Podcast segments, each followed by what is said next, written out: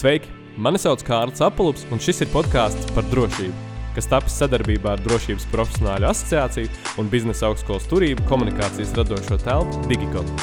Podkāstā runājam par kiberdrošības, ugunsdrošības, darba aizsardzības un fiziskās drošības tēmām. Mēs runājam par detaļām, jo tām ir nozīme. Tās glābj cilvēku dzīvības un pasargā mūs no nelaimēm. Labdien! Šodien mēs tiekamies ar vēl vienu mūsu nozares pārstāvi, mūsu asociācijas pārstāvi, Matīsu Šmitiņu. Matīs, sveiks! Jā, sveiks! Kas ir Matīs Šmitiņš? Kāpēc cilvēkiem nu, būtu jāklausās šodienas podkāsts? Kāpēc tu esi uzaicināts? Kas tu tāds esi un ko tu strādā? Jā, sveiki! Mani sauc, kā jau jūs dzirdējāt, Matīs. Esmu drošības daļas vadītājs. Pauls Stadīna Kliniskajā universitātes slimnīcā, kā arī strādāja Rīgas Tehniskajā universitātē. Kā lektors pasniedz darba aizsardzību, civilu aizsardzību, darba vidu un ergonomiku studentiem, gan profesionāļiem, gan arī nozares ekspertiem, kas mācās ekonomiku, biznesa vadību, protams, arī dažādas inženierzinātnes un tā, tā, un tā tālāk. Drošībā, cik gadus tu jau strādā? Principā strādāju drošības nozarē kopš trešā kursa. Tas nozīmē, ka nu, jau šis ir astotais gads. Uh, vispār sākotnēji esmu uh, sācis strādāt kā ugunsdrošības speciālists vienā uh, iespējams lielākajā Latvijas slimnīcā, Austrum slimnīcā. Un, attiecīgi, tas ceļu gājums ir attīstījies līdz drošības dēļ vadītājam jau Stradiņas slimnīcā. Palielinām tā drošības izaugsme ir bijusi pamatā medicīnas nozarē? Mana drošības izaugsme ir pamatā sākās Rīgas Tehniskajā universitātē. Tad, kad bija principā, jāizvēlās profesija, sākotnēji es vēlējos būt ārsts, bet uh, šausmīgi sabijos no ilgstošās mācīšanās veselības aprūpas nozarē kā tādā. Un, attiecīgi, izdomāju, ka varētu būt kaut kas saistīts ar drošību. Izlasīju interesantu virsrakstu, kad ir jauna programma, kā drošības inženierija. Es domāju, ka kaut kas saistīts ar militāro darbību. Nā, bet beig beigās tā bija tāda tīra darba aizsardzība, ugunsdrošība, cilvēka aizsardzība, kas noteikti nav mazāk interesanta vai mazāk saistoša. Attiecīgi, tad es iestājos Rīgas Tehniskajā universitātē, un kā pirmā darba vieta drošības jomā man bija, lai cik tas nebūtu paradoxāli, bet Austrum slimnīca, kur uzaicināja mani uz pārunām. Es nebiju gatavs šīm pārunām, jo es īstenībā nemeklēju darbu, biju students. Un, attiecīgi, pirmajā, pirmajā darba intervijā jau vadītājs no galda apakšas izvilka līgumu un jautāja, no nu, tāda, ko parakstām. Bija ļoti liels šoks. Es lūdzu, vai mēs varam pagaidīt, jā, līdz rītdienai. Un, tā, tā sākās mana drošības karjera arī ārstniecības sektorā. Protams, starp Austrumu slimnīcu un Stradiņas slimnīcu. Esmu strādājis arī ražošanas uzņēmumos. Esmu strādājis arī administratīvajos uzņēmumos, sniedzis darba aizsardzības, ugunsdrošības pakalpojumus kā kompetences speciālists. Bet, nu, kas tiešām varbūt ir tas lielākais izaicinājums, viens no grūtākajiem objektiem vispār drošības jomā Es uzskatu, ka ir uh, slimnīcas, protams, uh, dēļ sava darba rakstura, darba sarežģīt, sarežģītības un pavisam noteikti dēļ ļoti dažādiem darba uzdevumiem un, ja mēs varētu arī teikt, tādiem kritiskiem uzņēmuma uh, punktiem. Tu saki, ka sākotnēji gribēji būt ārsts, tad pamanīji, ka ir interesanta programma par drošības inženieriju. Uh, un eh, nolēmi izmēģināt šo, bet eh, cerēju, ka tur būs kaut kas ar eh, militāro saistīts. Nebija aplausiens. nu, sākotnēji, jā, ja godīgi, es pirmajā liekas, pusgadā mēģināju izstāties trīs reizes ārā no šīs programmas, jo bija jāmācās lietas, kas man vispār nesaistīja, kā matemātika un, un, un dažādas citu, citu priekšmetu. Bet beig, beigās iedziļinoties šajā te, struktūrā un arī darbā, pēc būtības, kas ir saistīts tieši ar darba aizsardzību, ugunsdrošību, cilvēku aizsardzību, tas ir ārkārtīgi svarīgs un nozīmīgs darbs. Tieši lai pasargātu ne tikai darbiniekus, bet arī darba devēju kā, kā, kā tādu. Jo, jebkura veida ārkārtēja situācija, kas var notikt uzņēmumā, tie uzreiz ir finansiālie zaudējumi. Tie ir finansiālie zaudējumi gan darbdevējiem, gan darbņēmējiem, gan arī pakalpojumu saņēmējiem, kur tiek ierobežots pakalpojums vai ierobežot šī produkcijas kvalitāte, piegāde, ātrumi un tā tālāk. Nevelti mums drošības ekspertiem tieši darba aizsardzībā un ugunsdrošībā, civil aizsardzībā ir tāds teiciens, ja nevar palīdzēt darba aizsardzības speciālists, tad var palīdzēt ārsts. Ja nevar palīdzēt ārsts, tad var palīdzēt mācītājs. Šobrīd tu vadi uh, Stradiņas slimnīcas drošības daļu. Kas ir jauns tavā amatā? Kas ir lielākie izaicinājumi un cik daudz zināšanas no darba aizsardzības, ugunsdrošības tu šobrīd pārnes uz šo amatu?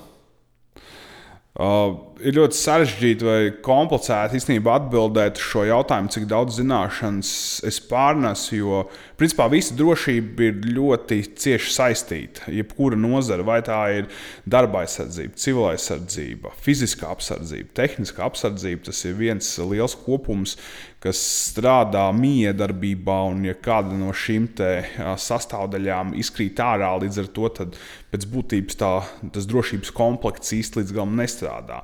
Ja mēs runājam par to pārnesi, pavisam noteikti ir ārkārtīgi svarīgi šīs priekšzināšanas vispār drošībā kā tādā.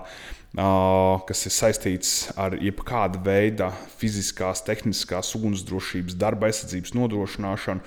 Lielākā problēma, vai es pat nevienu problēmu, bet izaicinājums drīzāk manā amatā ir uh, šī fiziskā apsardzība šajā laika periodā, tad, kad ir ārkārtēja situācija, ir pandēmija. Mūsu klienti, apmeklētāji, pacienti slimnīcā paliek aizvien neiecietīgāki gan pret mūsu personālu, gan pret veicamiem procesiem, pret pārmaiņām. Bet, nu, kā jau mēs zinām, neviens īstīs sabiedrībā cilvēks nav gatavs tūlītējām pārmaiņām, ja viņš nav uz to gājis. Un, diemžēl, ņemot vērā šīs te tendences attiecībā uz drošības pasākumiem, epidemioloģisko drošību, ir ieviesušas ļoti daudz izmaiņas, kuras šausmīgi grūti pieņemt vispār sabiedrībā kā tādā. Līdz ar to viens no tādiem nu, būtiskākajiem momentiem, ka mēs tiešām ļoti aktīvi, intensīvi pievēršam uzmanību, un es domāju, ne tikai es, bet pilnīgi visā veselības aprūpes sektorā ir šī fiziskā apsardzība. Ja agrāk mēs diezgan brīvi atļāvām apsardzes darbiniekiem komunicēt ar klientiem. Mēs īstenībā nepievērsām tam tādu baigo vērību. Tad tagad uh, ir mainījusies šī tendence. Mums ir ļoti, ļoti jāstrādā ar mūsu fiziskās apsardzības pakalpojumu nodrošinātājiem, lai viņi spētu šo pakalpojumu nodrošināt kvalitatīvi, tā lai netiktu celta kaut kāda neslava arī pašam uzņēmumam vai iestādē, kurā viņi strādā, un pavisam noteikti, lai maksimāli spētu atbalstīt arī veselības aprūpas personālu. Un tā ir viena ļoti būtiska lieta. Jo bez fiziskās apsardzības, ja personāls jūtas nedroši, līdz ar to arī pats pakalpojums sāk palikt nekvalitatīvs. Un šis ir viens no tādiem lielākiem laikam, izaicinājumiem patreiz manā amatā. Pēdējie divi gadi Covid krīzē diezgan daudz ir izgaismojušas nu, cilvēku pareizi būtu teikt, dezadaptācijas spējas, respektīvi, nespēja pielāgoties laikam, un, un, un, un šī radās tāda nu, veselības problēmas dēļ kaut kādām nu, psiholoģiskā pārdzīvojuma, spriedzes, stresa, kas nu, šajos apstākļos ir. Darba aizsardzībai jāpievērš uzmanība arī psiholoģiskai veselībai, emocionālai veselībai. Ārstiem pieļauju, ka nu, to nodrošina kolēģi vai, vai, vai par viņiem rūpējās kāds. Kā ir ar um, taviem pakalpojumu sniedzējiem, ar, ar, ar apsardzes darbiniekiem, kolēģiem? Kā jūs uh, tiekat galā ar šo potenciālo izdegšanu patiesībā? Es uh, tiešām neslēpšu to, ka uh, visā veselības aprūpes nozarē nav svarīgi, vai viņš ir uh, apsardzībā nodarbināts cilvēks, vai viņš ir ārsts, māsa, administratīvais uh, personāls. Uh, šis laika periods ir ārkārtīgi smags. Uh, gan tā kā tu teici, dēļ pārmaiņām, gan šīs dēļ dezorientācijas. Tāpat arī ir ārkārtīgi būtiski jāsaprot to, ka šajā laika periodā nekas diži ļoti labs nenotiek. Mēs ārkārtīgi daudz strādājam ar mūsu darbiniekiem, ar personālu. Es arī neslēpšu to, ka jā, ir sarežģījumi ar cilvēkiem, jo mēs neesam pieraduši uzņemties atbildību, pieņemt lēmumus, tādus radikālus lēmumus, kas būtiski var ietekmēt cilvēku veselību, dzīvību. Un tas nāk līdzi, un tā viena no tādām laikam lielākajām problēmām ir ja mēs runājam par kolēģiem, ka mēs jau šo visu negāciju no apmeklētājiem, klientiem, darbiniekiem sākam uztvert personīgi. Un nav noslēpums. Un es arī ne tikai veselības aprūpē, bet tikpat daudz arī publiskajā sektorā, kad cilvēki sāk palikt agresīvi pret apsardzes darbiniekiem, pret kārtības uzturētājiem sāk izaicināt viņus vai provocēt kādām darbībām, bet, lai to novērstu, mēs tiešām cenšamies ievērot šo darba un atpūtas biežumu. Mēs cenšamies neatļaut kaut kādas pārstrādes mūsu darbiniekiem. Un mēs arī diezgan daudz runājam ar saviem kolēģiem. Ja ir problēmas, tad lai viņi nāk, mēs viņus varam izdiskutēt, runāt. Mums ir sadarbības arī partneri no uh, citām ārstniecības iestādēm, kurās tieši sniedz šo psihoemocionālu atbalstu. Mēs aicinām visus darbiniekus iet pie šiem speciālistiem, psihiatriem, psihologiem, psihoterapeitiem. Agrāk mēs šo uztvērām kā tādu lielu apkaunojumu, ja cilvēks vēršas pēc palīdzības, saka, šausmas, viņš ir psihiski nelīdzsvarots. Nu, tā, tā, tā, tā dzīvē nevar būt. Tad tagad tas ir pilnīgi absolūti mainījies. Un tā, to mēs varam drīzāk nosaukt par tādu psihisko veselību vai psihis, psihisko rehabilitāciju.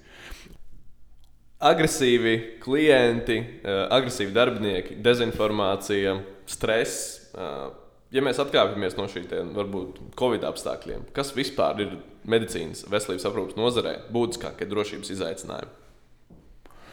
Mēs viņu šeit varam drīzāk uh, traktēt tās trīs ļoti būtiskās daļās. Uh, numur viens ir uh, darba aizsardzība, jeb šī darba vidas riski. Un nav noslēpums, ka viens no tādiem būtiskākajiem šiem riska faktoriem ir kritisks personāla trūkums. Tas ir viens. Otrs ir kritisks personāla trūkums tieši kur? Veselības aprūpē. Veselības aprūpē. Uh, principā mēs varam, mēs varam teikt, jebkurā no šīm sfērām. Uh, vai tās ir māsas, tie ir ārsti, tie ir atbalsta personāls. Un viņi ir ļoti, ļoti grūti atrast kvalificētu, atbilstošu personālu, lai sniegtu maksimāli kvalitīvu pakalpojumu. Un viņi ir ļoti ārkārtīgi mazi, ir nenormāls trūkums. Cilvēkiem ir šausmīgi milzīgs pārstrādes, pārslodzes.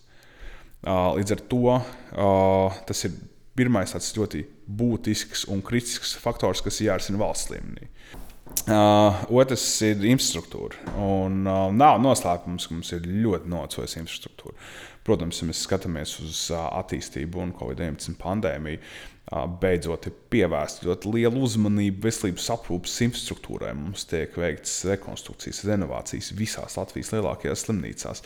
Tiek investēts milzīgas naudas, bet te ir otrs moments. To nevar uzbūvēt vienā dienā. Tas ir ārkārtīgi ilgs laika periods. Tas ir numur viens, numur divi, kas attiecās uz infrastruktūru. Sakarā ar būvniecības pārbūves procesiem tiek apgrūtināta un traucēta ikdienas darbība. Un tas ir numur divi. Un saliekot visus šos faktorus kopā, kas ir uh, šie psihoemocionālie pārslodze, darbinieku trūkums, infrastruktūras nepietiekamība, novecojas infrastruktūra un šīs pārmaiņas, tas uzreiz rada ļoti daudz šos riska faktorus, kāpēc notiek nelaimes gadījumi, kāpēc ir tik ļoti liela izdegšanas sindromu gadījumi. Un pavisam noteikti tas pats būtiskākais ir pakalpojumu kvalitātes šīs te, es neteikšu, kritums, bet ļoti faktori daudz ietekmē pakalpojumu kvalitāti.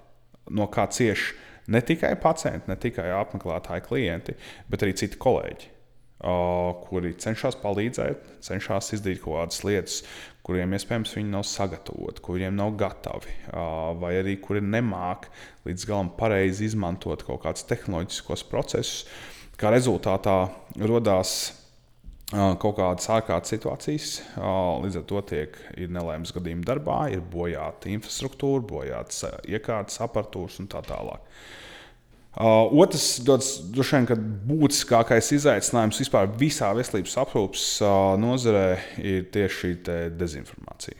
Dezinformācija, tas pats ir cilvēku.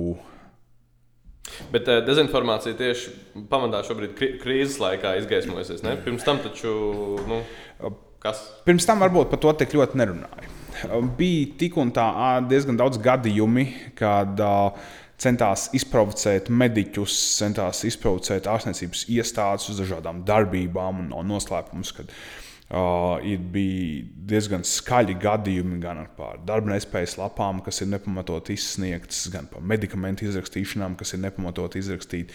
Uh, tagad jau tas ir, agrāk to darīja kaut kādas organizācijas vai grupējumi, tagad jau to sāk darīt individuāli individuāli cilvēki domā, ka, ja viņiem ir sniegts nekvalitatīvs pakalpojums, vai cilvēks nav saņēmis pakalpojumu, jo ir bijuši kaut kādi apstākļi, kāpēc viņš nav, viņš nav viņam dots šis pakalpojums, tad cilvēks domā, ka viņš var izmainīt valsts kārtību, valsts, valstī noteiktos regulējumus, veicot kaut kādas pilnīgi uh, nepamatotas un es pat teiktu arī nevajadzīgas darbības izaicinot.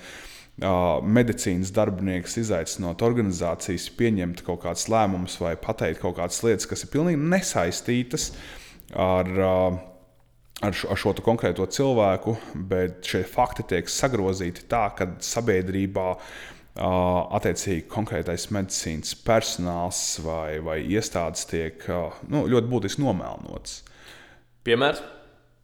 Pie... Nu, tu saki, ka ir mēģinājumi bijuši izprovocēt, bet, bet uz ko izprovocēt, ko darīt? Kaut aiz tām pašām Covid-19 vakcinācijas lietām. Mēs esam diezgan daudz skaļus gadījumus dzirdējuši, kad tiek uh, vakcinētas personas, vai precīzāk sakot, nesavakcinētas, bet izsniegt šie vakcinācijas certifikāti, tiek nomelnotas iestādes, tiek pazemot iestādes darbinieki pēc tam. Bet tās ir varbūt bijušas kaut kādas viena vai divas personas, kas ir strādājušas iestādē. Tas neatiecās uz visu organizāciju. Pēc tam no tā cietēja jau ir ļoti būtiski visa medicīnas iestāde. Un es, ne, es gribētu teikt, ka ne tikai medicīnas iestāde, bet arī uh, visa veselības aprūpas nozare. Tas pats ir gadījums ar pirmās palīdzības sniegšanas gadījumiem, kad it kā netiek sniegta palīdzība cietušajiem, bet kā beigās izrādās, ne jau palīdzība netika sniegta. Šīs konkrētās personas bija atteikušās no palīdzības saņemšanas, vai, precīzāk konkrēti medikamentu lietošanas.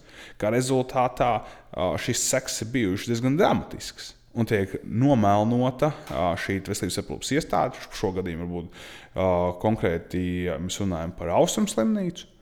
Bet gala rezultātā izmeklēšanas ietvaros tika konstatēts, ka personas ir atteikušās saņemt šo pakalpojumu. Viņas ir gribējušas saņemt pakalpojumu, kādus viņi ir uzskatījuši par uh, labiem, izlasījuši nu, Google, internetā, kas uh, principā absolūti neiet kopā ar uh, ārstniecības kaut kādiem algoritmiem.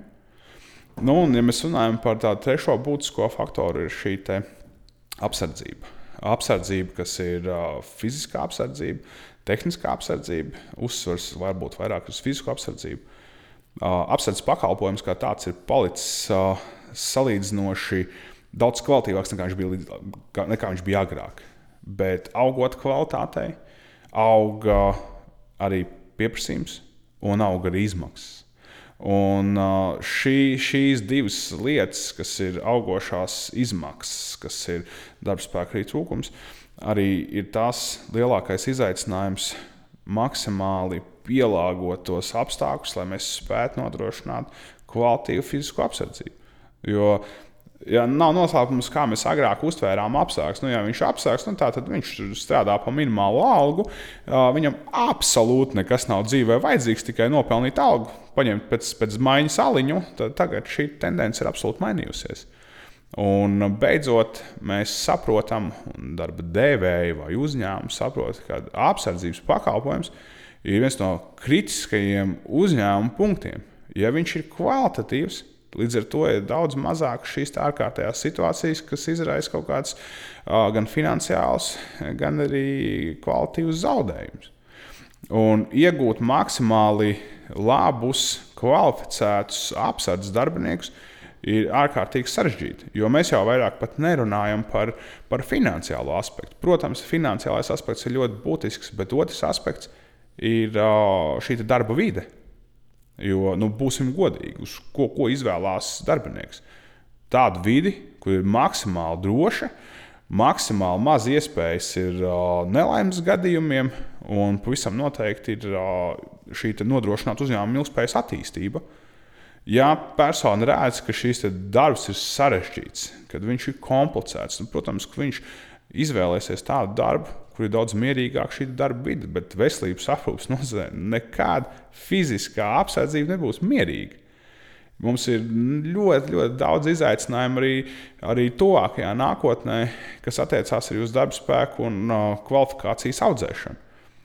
Viens ir skaidrs, jā, apsardzes darbiniekiem jā, obligāti ir apsardzes certifikāti. Bet tas, ko ļoti bieži darba devējs neprasa, vai šī persona vispār spēja komunicēt, vai viņa spēja pieņemt lēmumus ārkārtējas situācijās, vai šī persona vispār spēja orientēties telpā un laikā. Uh, jo tas ir īstenībā ļoti būtisks moments. Viens ir nosēdināt cilvēku pie ieejas un prasīt uzrādīt QR kodus. Otrs, ja objekts ir milzīgs, spēt noorientēties laicīgi ierasties noteikumu vietā un spēt risināt šo ārkārtēju situāciju. Šeit ir vienalga, vai tas ir agresīvs pacients, vai tas ir aizdegšanās gadījums, vai tas iespējams ir kaut kāda tehnoloģiska avārija, nezinu, pārplīsis ūdensvads, jo pēc būtības apsardzes uzdevums viņi ir pirmie frontes līnijā pilnīgi visās ārkārtējās situācijās. Viņi ierodas notikuma vietā, viņi konstatē faktus, viņi pieņem lēmumus, mērus, tālāk rīkoties, lai maksimāli mazinātu šo apdraudējumu uzņēmumam. Nu, tās laikam tie ir būtiskākie izaicinājumi. Protams, trešais, ne, bet otrais no tās trešās grupas izaicinājums ir tehniskā apsardzība un šīs pārmaiņas. Īpaši pēdējā laikā ir ārkārtīgi strauja tehnoloģisko procesu izaugsme. Un visa šī digitalizācija, automatizācija. Uzņēmumi vairāk izvēlās, beidzot, ir sapratuši, ka investēt drošības jomā ir investēt uzņēmumu ilgspējas nodrošināšanā un šo visu sistēmu pielāgošanu. Un, tas ir pilnīgi visās veselības aprūpes iestādēs, kad ļoti daudz šie te tehniskās, fiziskā, tehniskās un Uh, digitālās apsardzības šeit risinājumi ir ārkārtīgi grūti savienojami uh, ar tehnoloģiskiem procesiem. Un kamēr cilvēki pierod izmantot šīs tehnoloģiskās uh, iespējas, tehnoloģiskos risinājumus, kamēr mēs adaptējamies šajā digitālajā vidē, tas ir arī diezgan ilgs laika periods, kas ir diezgan būtisks izaicinājums, kā mēs, kā drošības speciālisti, kā drošības eksperti, spējam apmācīt, pielāgot, samērot šīs divas dažādas paralēlās pasaules, lai šī visa sistēma strādā. Tā, tā, tie ir droši vien tādi būtiskākie izaicinājumi, kas patreiz notiek. Tev šobrīd arī tieši pārņemot šos apsardzes jautājumus, cik daudz ir jāmācās? Es teiktu, ka uh, jāmācās ir uh, visu caur diennakti. Uh, nu, kā jau es teicu, vai ir viegli vai ir grūti pārņemt šo? Viegli noteikti tas nav. Uh, tie ir izaicinājumi, bet es domāju, ka uh, šie izaicinājumi ir uh, ārkārtīgi svarīgi un ārkārtīgi būtiski. Ikvienai personai, kurai ir iespēja uh, es gribētu teikt, iesaistīties vai pieņemt kaut kādas avantūras. Pavisam noteikti ir tās ir divas pilnīgi dažādas paralēlās pasaules galaktikas darba aizsardzība, ugunsdrošība, cilvēcība un fiziskā apsardzība. Jo vēl mēs varam samērot kaut kādā veidā ugunsdrošību, vaistrāvs ar viņa ar apsardzes sistēmām, aizstrāvām, video novērošanām, piekļuves kontrolas sistēmām, tad no fiziskā apsardzības tas ir pilnīgi kaut kas cits un kaut kas jauns. Un, lai nodrošinātu šo pakalpojumu, tad, tā, ja mēs runājam par mācīšanos, tā ir nepārtraukta studēšana, tā ir nepārtraukta lasīšana, tā ir nepārtraukta runāšana ar personām, ar cilvēkiem kā panākt šo maksimālo efektu. Un, bet, ja tā godīgi mēs runājam, tad vispār par drošības sfēru, drošības nozari, tad līdzīgi kā ārstiem, kā mediķiem, Ja vadītājs grib būt kvalitīvs vadītājs, sniegt maksimālu kvalitīvu, šo pakalpojumu, lai visa drošības sistēma strādātu kā, kā pulksteņa sistēma, tad uh, pilnīgi visiem ir obligāti jāmācās. Visiem ir jāstudē, visiem ir uh, jāapmeklē kursi, uh, kas tieši attiecās uz nozares darbību, nozares inovācijām, iespējams arī uz, uh, lai atsvaidzinātu šīs zināšanas. Un visam noteikti, kas ir ļoti būtiski, mums ir nepārtraukti jāstrādā, jāmāca mūsu personāls. Un tā ir varbūt lieta, arī, ko mēs nereti aizmirstam. Mēs mācāmies paši, mēs cenšamies apmācīt mūsu augstākā līmeņa vadītājus, bet tie darba darītāji jau ir tie cilvēki, kas ir pirmajā frontē, kas ir apsardzes darbinieki, kas ir darba aizsardzības speciālisti. Mums ir arī ar viņiem jāstrādā, mums arī ir viņus jāapmāca. Un, ja, ja viņi spēj kvalitīvi sniegt pakalpojumu, tad mums ir vairāk laika jau attīstīties, jau pievērst uzmanību kaut kādām inovācijām, tehnoloģiskiem procesiem un tā tālāk. Bet, nu, tev kā lektoram noteikti apmācīt uh, citus noteikti nav problēma, bet uh, mēs ļoti labi tieši pie nākamās tēmas aizējām, kas ir jautājums, nu, kāda vispār ir Latvijas darba aizsardzības uh, nu, situācija? Cik nopietni uzņēmēji, iestāžu vadītāji uztver darba aizsardzību? Mēs zinām, mums ir arī krimināla likumā paredzēta atbildība ja, darba aizsardzības speciālistam, protams, arī darbiniekam, ja viņš ir noteikums pārkāpis. Bet, eh, nu, vai darba aizsardzības speciālists ir novērtēts Latvijā, vai darba aizsardzība kā joma ir novērtēta? Ja mēs runājam par darba aizsardzības nozari Latvijā, tad viņa pēdējo tieši 3-4 gadu laikā ir ārkārtīgi augusi. Un to pierāda gan pats pakalpojums, tirgus it īpaši. Mēs principā vairs nevaram īsti atrast tādus brīvus uh, darbu meklējoši darba aizsardzības speciālisti ir ārkārtīgi maz. Jo beidzot, visi uzņēmumi, es gribētu teikt, tiešām visas nozares pievērš milzīgu uzmanību tieši darba aizsardzības jautājumiem.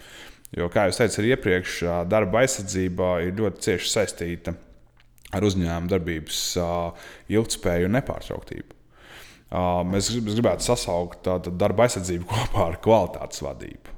Jo mums ir spēcīgāka drošība uzņēmumā, jo mēs spējam rast dažādu veidu risinājumus un inovācijas citos jautājumos. Kas attiecās uz darba aizsardzības uh, sistēmu Latvijā. Ja mēs skatāmies no likumdo, likumiskā viedokļa, tad no likumdošanas puses pavisam noteikti uh, sistēma ir uh, sakārtota vairāk vai mazāk. Uh, lai nodrošinātu šo drošību, tikai tā būtiskākā lieta, laikam, ir uh, finanšu iespējas uzņēmumiem. Es saprotu, ka ļoti daudz uzņēmumi izvēlās saņemt šo drošības pakalpojumu no speciālistiem. Viņi piesaista gan kompetences institūcijas, gan kompetences speciālistus, bet tajā pašā laikā viņiem nav šī finansu, finanšu rosība, lai uzlabotu šo pašu vidi. Tad es gribētu arī pieminēt varbūt pāris tādus diezgan būtiskus un skaļus gadījumus, kad nevienmēr uh, ir sistēmas vaina. Otrs ir šis cilvēciskais faktors un mūsu Latvijas sabiedrības iesaisti drošības procesos. Tas, ka darba devēji domā par darba aizsardzību, ugunsdrošību, cilvēcību, jā, pavisam noteikti. Mēs varam beidzot redzēt, kā mums ir attīstījusies šī vide ar drošības zīmēm, drošības sistēmām, darbinieku apmācībām, obligātajām veselības pārbaudēm. Bet otra lieta ir pārveidot šo sabiedrību, lai tiešām viņi to ievēro, lai mūsu paši darbinieki sāk sekot līdzi šīm te, kaut kādām nu, primitīvajām prasībām. Un tad, kāpēc es teicu par tiem neseniem gadījumiem, kad uh, tika gāja bojā cilvēki atsevišķās vietās, negribās nosaukt uzņēmumus, um, bet tas jau nebija darba aizsardzības speciālistu vainas dēļ. Tas nebija uzņēmuma vainas dēļ. Tas bija vienkārši, ka šie paši darbinieki ļoti rūpīgi klāji pārkāpa darba aizsardzības prasības. Un, lai cik tas nebūtu muļķīgi, bet lielākoties šajos gadījumos šie, šīs personas bija apmācītas. Viņas bija apmācītas atkārtoti. Persona pat nebija lietojusi ne alkohols, ne psihotropiskās vielas. Vienkārši nebija ievērojusi primitīvas darba aizsardzības prasības. Un šeit nu, tā ir tā ļoti liela būtiska lieta, kas aizņems diezgan ilgu laika periodu, pārtaisīt mūsu sabiedrību.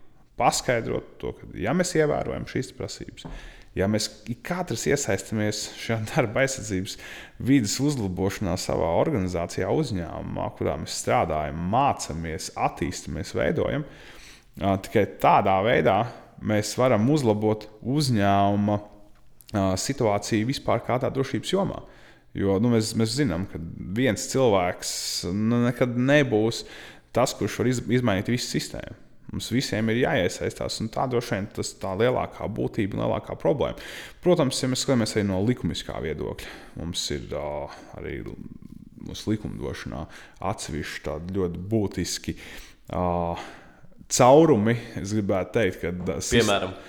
Uh, caurumi, piemēram, darba aizsardzības sistēma arī normatīvu aktu līmenī. Uh, Uh, ir ļoti labi. Viņa ir tā kā, tā kā sirds vienota, bet ar ļoti milzīgiem caurumiem.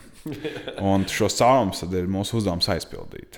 Un tam es, es gribētu sasaukt kopā gan darba aizsardzības prasības, gan ugunsdrošības prasības. Ja mums darba aizsardzības prasības paredz to, ka mēs nedrīkstam apdraudēt savus darbiniekus, saimnieciski izraidās personas, tad ugunsdrošības cilvēks atzības normatīva paredz to, ka hei, mums kā darba devējiem ir jānodrošina šo ārkārtas situāciju pārvaldību. Mums ir jādod, jādod uzdevumi, jānorīko darbinieku šo te, uh, sistēmu, ārkārtas situāciju novēršanai, uh, samazināšanai un tā tālāk, kas atkal ir pretrunā. Līdz ar to tad, es saku, ka mums šī sistēma ir vienota, bet tomēr šie caurumi mums pastāv, bet tas mērķis mums viņus ir aizlāpīt. Um, mana pieredze ir bijusi tāda, ka nu, šie te, teici, uzņēmumi piesaista kompetentos speciālistus, kompetentās institūcijas, lielam uzņēmumus, kas sniedz darba aizsardzības ugunsdrošības pakalpojumus. Un, nezinu, tur mēneša maksa ir 50 eiro mēnesī par darba aizsardzības nezinu, speciālistu. Eh, nu, tāda vidējā tirgus cena par, eh, par normālu speciālistu inženieri, nu, runājot vispārīgi, ir kaut kāda 50 eiro stundā. Ja, piemēram, ir eh, valsts iepirkumi no, no, no Big Four saucamām konsultācijām, kur ir PricewaterhouseCoopers, KPMG, Deloitte, Ernst Young.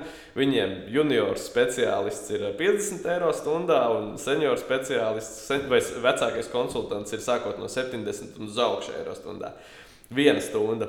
Tad uh, jautājums, uh, nu, ja mēs tādā retrospektīvā skatāmies uz darba aizsardzības speciālistu, varbūt viņa stundas likme nav tik liela. Bet uh, kvalifikācijai viņam noteikti ir tomēr četri gadi. Vismaz ir jāmācās darba aizsardzības speciālistam. Protams, ir, ir, ir šie certifikāti, ko tu vari iegūt tās 160 stundas, ja nemaldos. Ja?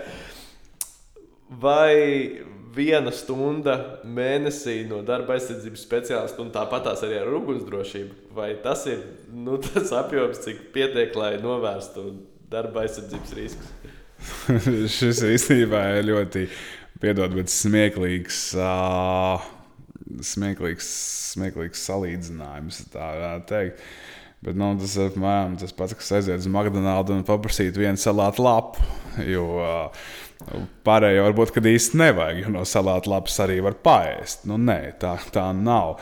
Ja mēs runājam par darba aizsardzību un uzņēmumiem, tas ir ļoti būtiski atkarīgs no uzņēmuma lieluma, uzņēmuma darbības veida, nodarbināto skaita un pavisam noteikti arī pēc darba vidas. Ja tas uzņēmums ir ārkārtīgi mazs uzņēmums, kurā strādā nu, piemēram nezinu, 16, 15 cilvēki, kur uh, visi sniedz konsultīvu raksturu uh, pakalpojumus. Uh, viņiem ir viena darba vieta. Uh, un tur absolūti nav nekāda apdraudējuma. Protams, kad uh, šis, šī samaksa uh, varētu būt adekvāta, ja pirms tam jau darba devējs ir izdarījis šo lielu mājas darbu un pilnīgi visu darbu sakārtojis. Ja mēs runājam par uzņēmumiem, kuros jau notiek veikta šī intensīva, dažāda saimnieciskā darbība, tad pavisam noteikti tā, tas ir diezgan liels nozares apkaunojums. Ja, Šādu veidu pakalpojumu cilvēks vēlās iepērk vai, iepirkt vai iepērk uzņēmums, tad mēs skaidri zinām, ka šis pakalpojums vienkārši nav adekvāts. Un tad nav, nav brīnums, kad mums notiek nelaimes gadījumi, kad mums notiek ārkārtējas situācijas. Mēs nerunājot arī par šiem pašiem psihoemocionāliem riskiem, kas izraisa arī ļoti daudz dažādas, ne tikai garīgas, bet arī fiziskas saslimšanas. Jā, bet lūk, te ir tas jautājums, kā tu saki, nu, biroja vide, piemēram, konsultācijas sniedz ja, nezinu, 15, 16 darbinieki. Uh, viena no mūsdienu lielākajām problēmām ir visu laiku šī ten, uh, nu, maskustīgais dzīvesveids, teiksim, tā, ja? sēdi pie datora visu laiku, 8, 9 stundas dienā un, un, un, un nu, savu veselību tas noteikti ietekmē. Un jautājums ir, vai darba aizsardzības speciālistam nav jāpāriet no tādas, šādos uzņēmumos, nav jāpāriet no tādas vispārējas rakstura. Nu, tur, nekāp uz eh, krēsla, lai piespul, pies, pieslēgtu spuldzīti, nerauj vadu aiz vad, eh, vada no nu, elektrolīgstas, bet, bet satver viņu aiz gala, ja? neatstāja svētkos iedegtas svecītes. Bet, eh, teiksim, iekārtot to darba vidi, lai viņi būtu ergonomiski, varbūt šie stāva galdi vai, vai, vai um, kā viņi tur tie jātnieku krēsli, ja, lai taisnāka mugura un tam līdzīgi. Vai darba aizsardzības speciālistam nav jāpāriet uz šādu ergonomisko risku nu, novēršanu patiesībā? Nu, ziniet, es gribu ticēt, ka tā jau notiek. Un tā notiek ārkārtīgi daudz un plaši. Un šīs idejas, vai tā saucamās ergonomiskās darba vietas, jau principā jau tiek veidotas jau pašā pirmsākumā, nosakot uzņēmuma darbības veidu, nosakot pēc būtības jau šo darba raksturu. Un beidzot, jau īstenībā var redzēt, ka cilvēki, ne tikai darba aizsardzības speciālisti, arī paši darbinieki sāk domāt par savām darba vietām, kā viņas iekārtot, kā lai tas būtu ergonomiski. Un es negribētu tikai pieminēt, varbūt, ka šīs superergonomiskās darba vietas no tehnoloģiskiem procesiem, kur ir regulējumi darba galdi, augstumi, regulējumi krēsli. Es gribētu arī teikt, ka ļoti daudzi darba devēji sāk beidzot arī piedāvāt un strādāt ar pašiem nodarbinātajiem tieši kas attiecās uz fizisko un garīgo veselību. Piedāvājot gan dažāda veida pašizaugsmes kursus, gan fiziskās aktivitātes, trenižieru zāles, dažāda veida aerobikas, tēriks un tā tālāk. Kaut vai es zinu, arī uzņēmums ir atsevišķi uzņēmumi, kuri vienkārši divas reizes nedēļā piesaista apmācītu, certificētu terapeitu, kurš nāk vienkārši un strādā masē, vingro kopā ar visiem uzņēmuma darbiniekiem, administratīviem. Protams, arī, arī šis ir no svara. Bet tas, ko es gribētu teikt, un īstenībā liekas, mēs pie tā arī nonāksim, ir tas jaunais nodarbi, nodarbinātības veids, kad mēs jau lielu daļu vairs nestrādājam tikai oficiālos. Mēs beidzot sākām izmantot to jauno nodarbinātības veidu, kas saucās attālinātais darbs. Un šeit varbūt arī, ja mēs runājam, atgriežamies pie likumdošanas, tā diezgan nopietna problēma, ja mums attēlotais darbs likumiski skaitās, kad mēs, mums ir jānosaka cita šī mājas adrese vai vieta, kurā mēs strādājam. Jo patiesībā mēs jau varam uh, strādāt kur vien mēs vēlamies. Vai tā ir kafejnīca, iespējams tā ir sporta zāle. Iespējams, ka uh, tas ir vispār kaut kāds ceļojums, kur mēs dodamies, mēs turpinām veikt savus darba pienākumus, jo vairs nav obligāti jāpavada uh, darbā konkrēti oficiālā uz vietas.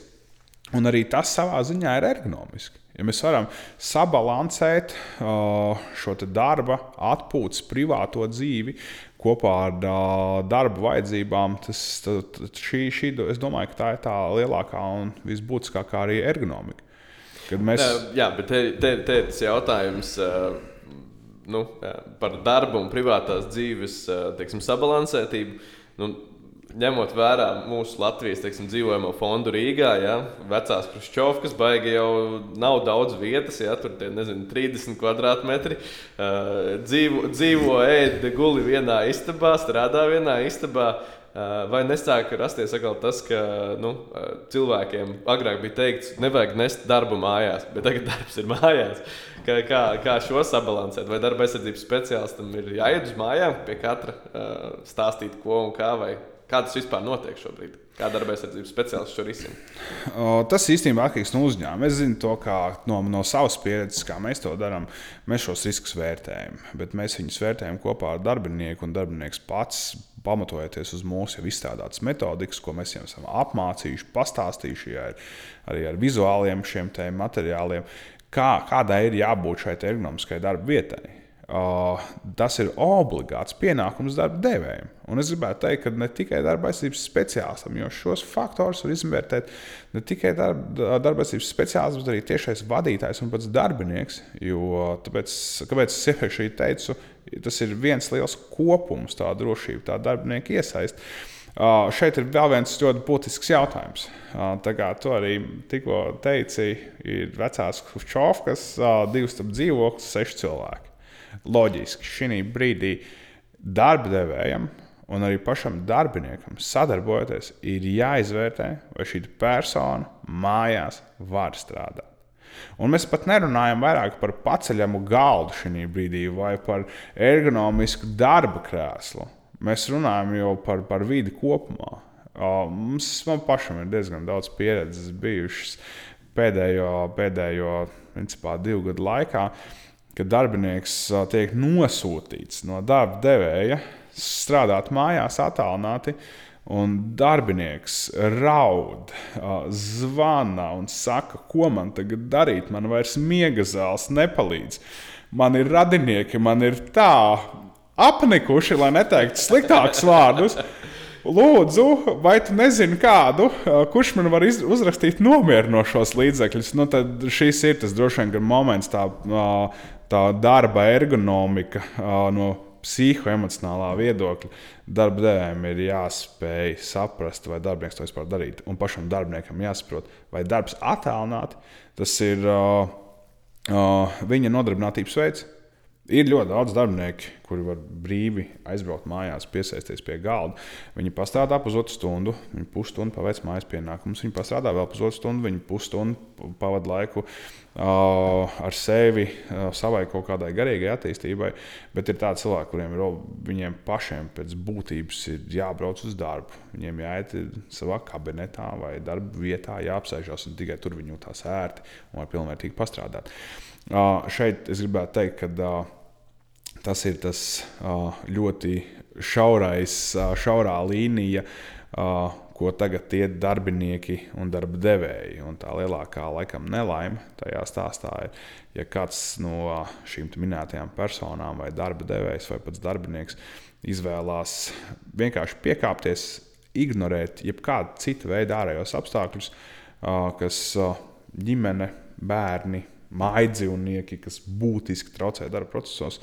Tad īst, īstermiņā, protams, šādu darbu viņi veids, ilgtermiņā zūd darba kvalitāte, sākās atkal šie izdegšanas sindromi, un pavisam noteikti tiek ārkārtīgi ietekmēta ne tikai šī darba dzīve un attiecības ar kolēģiem, klientiem, bet arī mājas attiecības ar mainiekiem. Un, ja mēs kā darba devējs nespējam nodrošināt attālinātā darba veikšanu drošos, kvalitatīvos, mierīgos apstākļos. Mēs nedrīkstam ne lūgt, ne piespiest savus darbiniekus veikt darbu attālināti. Uh, protams, jautājums ir, kas par darbu veidu. Uh, jautājums, vai šī persona var veikt darbu citā vietā, nevis mājās, bet kādā citā, piemēram, publiskā vietā vai kādā citā, es nezinu, telpā vai, vai, vai kafejnīcā, piemēram. Vienalga, kafejnīcā. Uh, iespējams, ka tas var būt arī tirzniecības centrs. Iespējams, tas var būt arī kāda pilnīgi cita, nezinu, parks, piemēram, vasarā. Uh, vai, vai, vai kāda koncerta zāle, kur aiziet paskatīties, vai kinoteātris. Vienalga, pilnīgi, kur jautājums, vai šī persona jutīsies labi. Jo viens, ko mēs baigi uzsveram tieši par ergonomisku darbiem, lai mums nespiestu muguru, lai mums būtu taisna mugura, bet tas nav tas pats būtiskākais. Visbūtiskākais šī brīdī mums ir šī garīgā veselība, jā, kam jāpievērš uzmanība. Un ko es vēl gribētu teikt, arī darba devējiem ir jāveicina uh, ne tikai garīgā veselība darbā, bet arī garīgā veselība ārpus darba. Un īpaši šī ģimenes un darba apmierināšana. Un mēs to ļoti bieži redzam no mūsu, es gribētu teikt, diezgan uh, lieliem uzņēmumiem, kas tiešām par to rūpējās. Es gribētu nosaukt dažus īstenībā pat piemērus, kā piemēram Latvijas mobilais telefons. Viņiem ir skaidra un gaiša politika, ka cilvēks nedrīkst būt pārstrādājies, kad cilvēkiem ir jābūt apmierinātiem, viņiem jābūt priecīgiem. Jo, ja cilvēki ir priecīgi, tad arī pakalpojums ir priecīgs, pakalpojums ir kvalitīvs, un arī uzņēmums ir ļoti uh, kvalitīvi šo pakalpojumu spēj piedāvāt. Un, kā mēs redzam, arī izaugsmas iespējas un attīstības šā uzņēmumā netrūkst. Uh, nu, tad šis droši vien ir tas būtiskākais moments, uz ko beidzot darbdevējiem ir jāstāsta. Nevis tikai kā izsūkt darbinieku, bet kā dot darbiniekam, lai viņš vēl vairāk atnestu uz uzņēmumu. Man arī ir viens labs piemērs, ko pieminēt šajā sakarā. Manu, manu pazīstamās, pazīstamās Intas Bušas vadīto mārketinga uzņēmumu BSMS, kas ir veiksmīgs nu, mārketinga jomā, un viņi ir pārgājuši uz četru darba dienu nedēļu. Uh, šis jau ir liekas, viens no tematiem bijis jau ļoti ilgstoši vispār pasaulē. Un, un, un, un, man liekas, ka Microsoft arī bija vienu brīdi pat testējis to, bet viņi kaut kādā ļoti ierobežotā apjomā. Un, un Intu uzdrošinājās šo testēt, un šobrīd viņiem tie rezultāti ir labāki. Līdz ar to viņi, ja nemaldos, tad šobrīd plāno pat pāriet patstāvīgi uz šādu darba veidu. Tāpēc tas ir aicinājums darba devējiem. Ja jūs varat, protams, ražošanā tas īsti iespējams nav vienmēr, ja, bet, eh, bet birojā varbūt, varbūt pat to var izdarīt.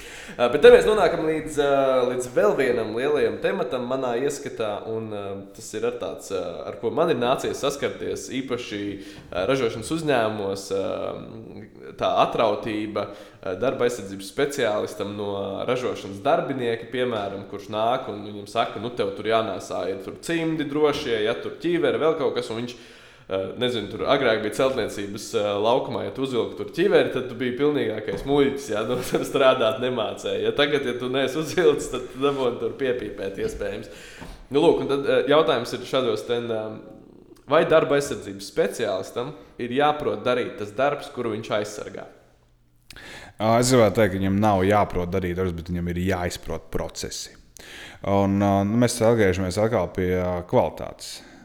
Kvalitīvs darba aizsardzības speciālists var būt tikai tad, ja viņš pārzina, izprot un saprot visus tehnoloģiskos procesus. Protams, uh, Es, es uzskatu, ka viņam nav, nu, ja mēs runājam par veselības aprūpi, viņam nav jāmāk pārgriezt cilvēkam vēders, vai izoperēt zarnas, vai uztaisīt laparoskopisku operāciju. Noteikti nē, bet uh, viņam obligāti ir jāpārzina viss šis process, sākot no sagatavošanās procesa. Beidzot ar uh, pacienta atmodināšanu un izrakstīšanu no slimnīcas. Tāpat arī ražošanas procesā. Viņam ir jāpārzina process, kā sākot ar jā, pusfabrikātu vai kaut kādu materiālu ieviešanu, tātad loģistikas pasākumiem, beidzot ar gatavās produkcijas. Jau loģistiku uz uh, izplatītājiem, pie izplatītājiem, uz tirzniecības centriem, pie, uh, pie pašiem pircējiem un tā tālāk. Uh, nemaz nerunājot par tehnoloģiskiem procesiem. Uh, kāpēc es to tā uz, uzsveru un saku? Ka, Mums ļoti bieži nācies saskarties, kad uh, darbinieki nemaz nekad dzīvē nav redzējuši savu darba aizsardzības speciālistu vai, vai, vai atbildīgo darbinieku par drošību. Uh, loģiski, ka viņi liek, viņiem, viņiem uzreiz ir sajūta, ka viņiem tas nav droši. Jo šie cilvēki paši kaut ko izdomā. Cilvēkam, lai novērtētu, lai pielāgotu visus kolektīvos, individuālos aizsardzības līdzekļus, sākot ar to, beidzot ar instrukciju izstādi un apmācību. Uh, Viņam ir jāiet, viņam ir jāvērtē, viņam ir jāskatās, kā notiek procesi. Nepieciešamības gadījumā es pilnīgi piekrītu, ja tas darba process ir ārkārtīgi sarežģīts, komplicēts, viņam ir jāpamēģina. Saprāta robežās, protams, pie izslēgtā rīkojuma, bet viņam ir jāpamēģina, kā tas ir būt tajā otrajā plānā. Jo nav noslēpums arī, kad es uh, sāku strādāt par darba aizsardzības speciālistu uh, tieši Austrumu slimnīcā. Uh, Es gāju, skatījos operācijas no sākuma līdz beigām. Arī operācijas, kuras bija ļoti nepatīkamas noteikti arī nebija ļoti labi. Citām maņām es skatījos, kā cilvēki tiek preparēti. Es skatījos, kā cilvēki tiek atdzīvināti. Es skatījos, kā cilvēki tiek vēsti uz to māju vai to iestādi, kur pēdējo reizi viņus aizved. Protams, lai saprastu vispār, kas tas par procesu ir kāda veida riski tur pastāv. Uh, un noteikti arī neslēpšu, ka uh, tā ir arī viena no vislabākajām pieredzēm šiem pašiem speciālistiem, lai arī viņi varētu maksimāli pielāgot normatīvos aktus reālai situācijai. Jo mēs zinām, ka nevienmēr tas ir izpildāms. Tas darba devēja, vai darba aizsardzības speciālistu uzdevums ir nevis tikai izpildīt minimālās prasības, bet uzlabot pilnveidot un pavisam noteikti attīstīt visus šos procesus. Nu, ko, Matīs, vēlēsim tev veiksmi jaunajā amatā. Man bija ļoti interesanti saruna ar tevi. Šis bija Matīs Šmitiņš, jaunais Stradīnas slimnīcas drošības daļas vadītājs. Paldies, Matīs! Paldies jums! Veiksmīgi! Visu labu!